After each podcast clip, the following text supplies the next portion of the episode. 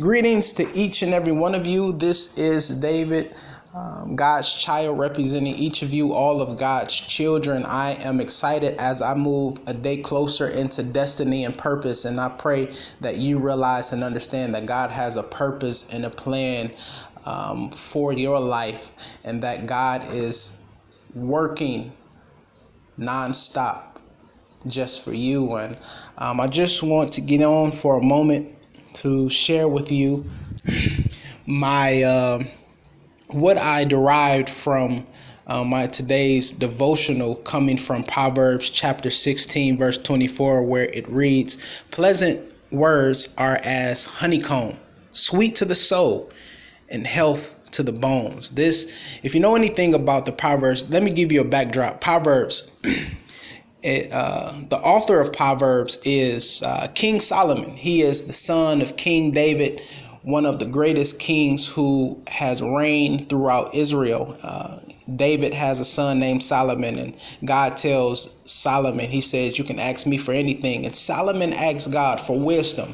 He could have asked for money, he could have asked for possessions, he could have asked for land. But Solomon understood that God, if you give me wisdom, your that that mystery, those uh, deep and and and uh, very illustrated sayings that people say, and it's kind of hard to interpret, but yet they're so deep and so clever and witty. Uh, you know, Solomon asks for wisdom. Uh, wisdom is nothing but applying knowledge and experience to life.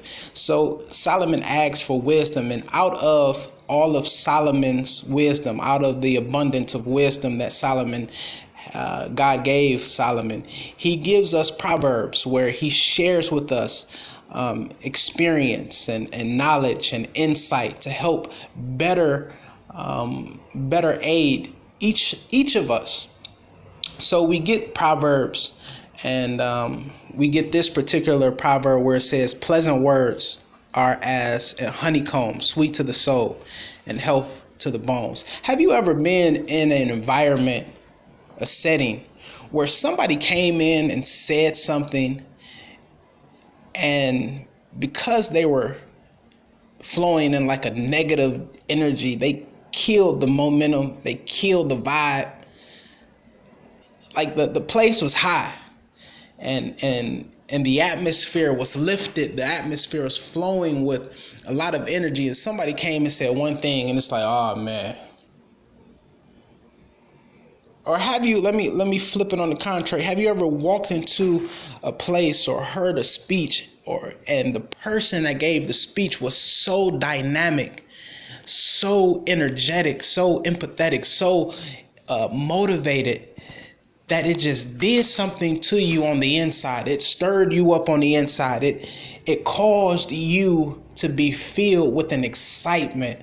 That's pretty much what this song or this proverb is talking about. It says, Pleasant words are as honeycomb, sweet to the soul and health to the bones. That the things in which come out of your mouth, the positive words, the, the affirmations in which you share with an individual has the ability to do something great for their soul. It has the ability to give a person life.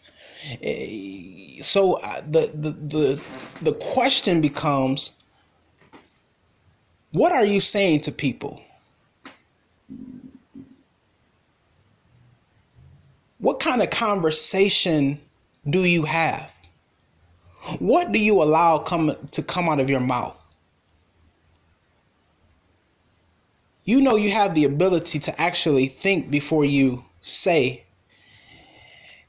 And the things in which you release out of your mouth has the ability to preserve the soul. That's why you will also see in the Proverbs that death and life is in the power of the tongue.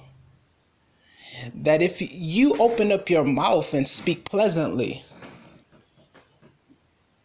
you can change the environment in which you're in. You can change the atmosphere. You can cause people um, to think highly of you. You can think cause people to think highly of themselves. You can so you can speak so well of someone so well of something that people are just drawn to and drawn to your words. They are drawn to your charisma and, and, and what you say because you allow pleasantry to come out of your words creating fruit prosperous fruit positive fruit.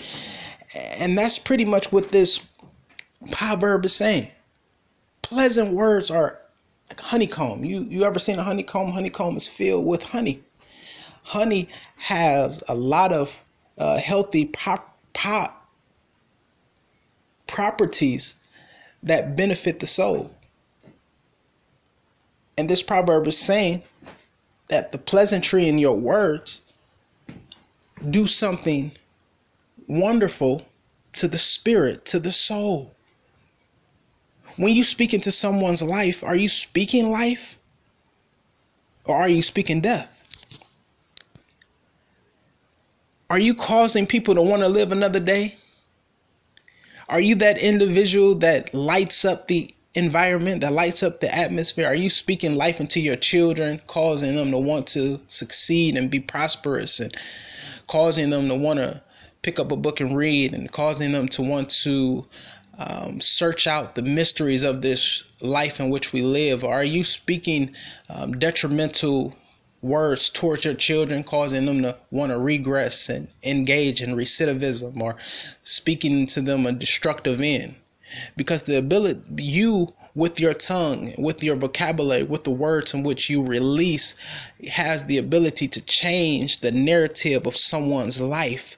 What you speak into the soul of an individual can cause them to blossom like one of the most beautiful flowers in which your eyes have ever seen, or the words in which you speak has the ability to cause the flower to wither away and die and grow decrepit and desolate and deserted all of because you said something the right or the wrong way? Will you speak and cause someone to want to get healthy and someone to want to read and and mount up and and and grow in their thinking pattern and change and shift how they view themselves and change their perception of the world or are you causing people to dim their light and look narrow and not want to succeed or what are you speaking to someone?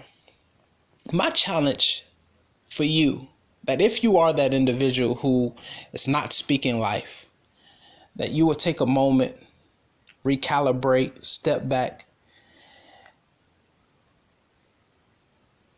and challenge your own mind because it starts with the mind. What are you thinking? What are you feeding yourself? What what's the diet in which your mindset what are you feeding your mind? What are you digesting?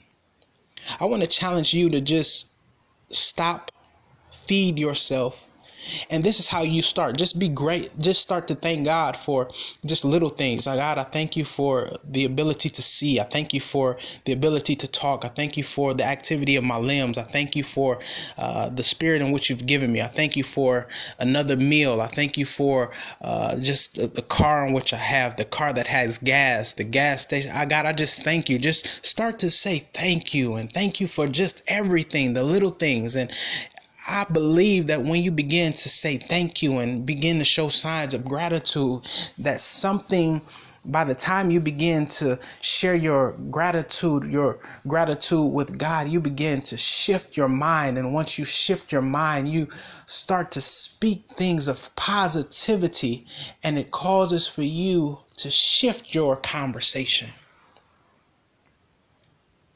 What are you saying?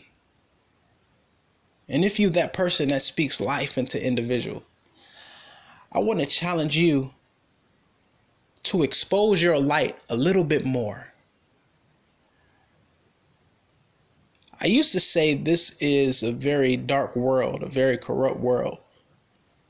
But it's not the world. It's the people in the world.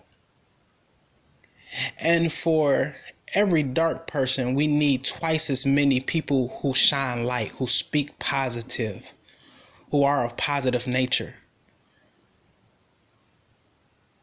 One candle lit has the ability to light and unlimited candles that are not lit.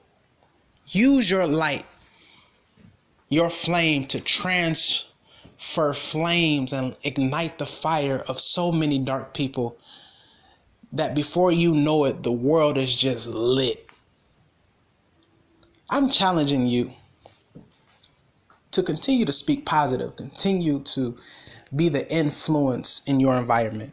All right, y'all go in peace, go in love, and I'll talk to you later.